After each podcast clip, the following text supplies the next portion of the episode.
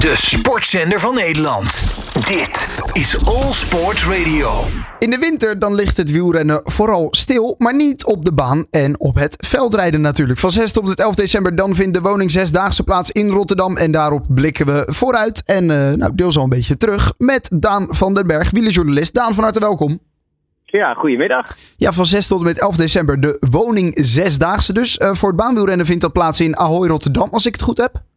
Ja, klopt helemaal. Dat is uh, die grote hal in Rotterdam, waar we ja, vooral concerten zien en de grote ja. evenementen. Ja. Daar is ook één keer per jaar. En uh, ja, is dan de zesdaagse van Rotterdam. Vaak is die begin januari. Maar dit jaar is die uh, een keer in december voor kerst. Want dan past het allemaal wat beter in, in de kalender. En, en waar vindt het veldrijden dan plaats?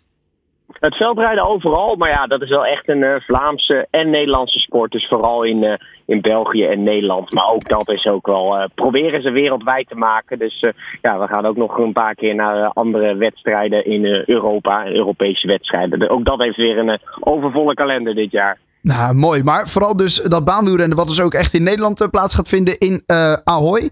Uh, het is ook echt een, een, een, van de grootste en oudste internationale zesdaagse ter wereld, hè? deze woning zesdaagse. Dat, het is niet niks, dit, dit toernooi, dit evenement. Ja, klopt uh, inderdaad. Want het is uh, sinds 1936 was het alweer een uh, zesdaagse van Rotterdam. en ja, het, is, het wordt gemaakt en dat is wel heel bijzonder aan deze zesdaagse op een tijdelijke wielerbaan. Dus ja, ja zoals je waarschijnlijk wel weet, in Ahoy ligt niet altijd een wielerbaan. Die wordt echt speciaal voor deze zesdaagse neergelegd. Dus daar hebben ze de afgelopen weken zijn ze daar druk mee bezig geweest.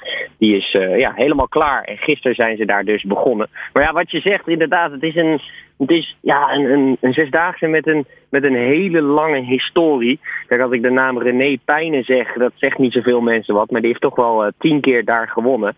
Het is wel uh, ja, een, een bijzondere zesdaagse. Want het is de zesdaagse die het ja, voorlopig nog uh, nog overleeft. Want de Zesdaagse van Amsterdam die is een aantal jaar geleden al uh, ja, gestopt eigenlijk. En ook de Zesdaagse van Alkmaar en ga zo maar door. In Brabant is er ook nog ooit eentje geweest. Ook die zijn allemaal niet, uh, niet doorgegaan. Maar de Zesdaagse van Rotterdam, ja, die komt toch elk jaar weer terug. Dus dat kan je wel een succes noemen. Toch een soort bucketlist dingetje voor de renners om hier aan mee te doen, kan ik me dan ook zo voorstellen.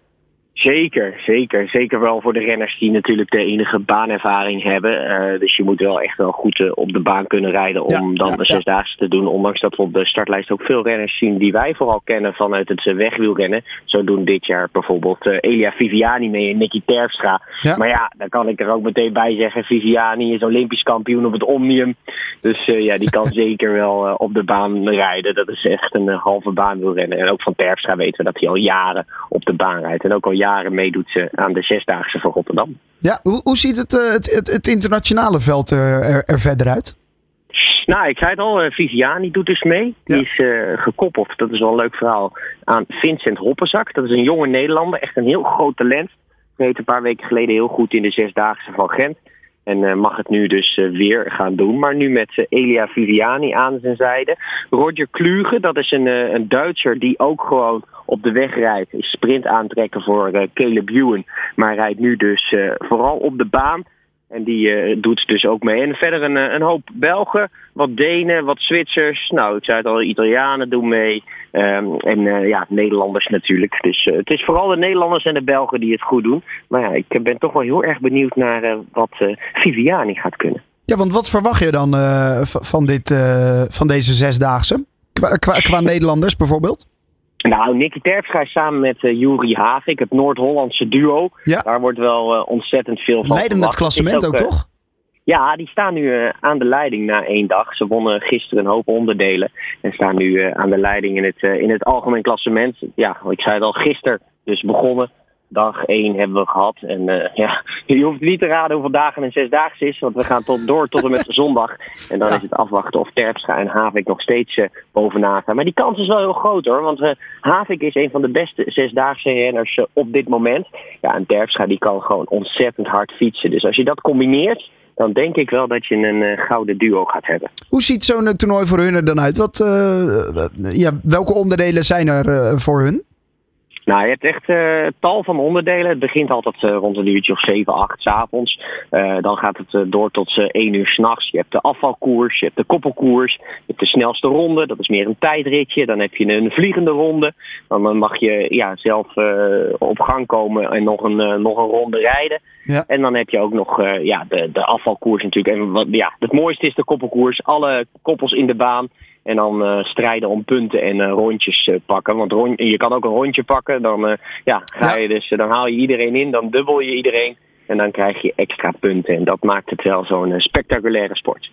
Mooi. En voor Nicky Terpstra sowieso een bijzondere zesdaagse, toch? Hij neemt afscheid als profrenner. Ja, het is niet alleen zijn laatste zesdaagse. Het is uh, ja, ook wel echt zijn laatste ja, officiële wedstrijd eigenlijk. Ja. Hij heeft wel aangegeven dat hij uh, doorgaat met uh, het rijden van gravelwedstrijden. Maar inderdaad, hij stopt als profielrenner. De man die ooit de Ronde van Vlaanderen won, Parijs-Roubaix en vele andere koersen. Die heeft de afgelopen jaren zijn laatste jaar op de weg gehad. Deed dat in Franse dienst is daar dus gestopt. Parijs Tours was zijn laatste wedstrijd. Toen vertelde hij altijd al wel van ja, ik ga eigenlijk nog wel door tot en met die zesdaagse van Rotterdam. Dus ja, dit wordt een heel groot afscheid. En het is wel grappig, want een ex-ploeggenoot van hem, die nam een paar weken geleden afscheid uh, tijdens de zesdaagse van Gent, Iljo Keijzer. En Nicky Terpstra werd altijd al gezien als een soort gelijke renner. Dus een renner die heel hard kon fietsen, vooral op de baan, maar ook zeker op de weg. En die gaat uh, nu dus deze week zijn laatste, ja, laatste zesdaagse rijden. Toch wel uh, bijzonder. Ja, ik wou net zeggen, dat moet sowieso een mooi afscheid worden dan op zondag. Maar het zou natuurlijk nog mooier zijn als hij dan uh, met Juri Havik uh, op, die, op die bovenste tree staat. Ja, inderdaad. En ja, die, die kans is gewoon mogelijk. Want ja, wat ik al zeg, het is, niet, uh, het is niet een slecht koppel of zo. Dus hij heeft wel een goede, goede koppelgenoot uh, gekregen. Ik denk dat hij dat zelf ook wel gevraagd had. ja, wat er ook gebeurt, ik zou graag met Juri Havik willen rijden. Omdat dat gewoon de beste renner op dit moment is. Dus ja, als hij hem gaat winnen, dan is de kans nu toch wel heel groot. Tot en met 11 december dan vindt de woning 6 pla uh, daagse dus plaats in Rotterdam. Uh, Daan van den Berg, wienerjournalist, dankjewel voor je, je toelichting. En uh, nou, laten we hopen op een mooi afscheid voor Nicky Terpstra. Ja, dankjewel. De sportzender van Nederland. Dit is All Sports Radio.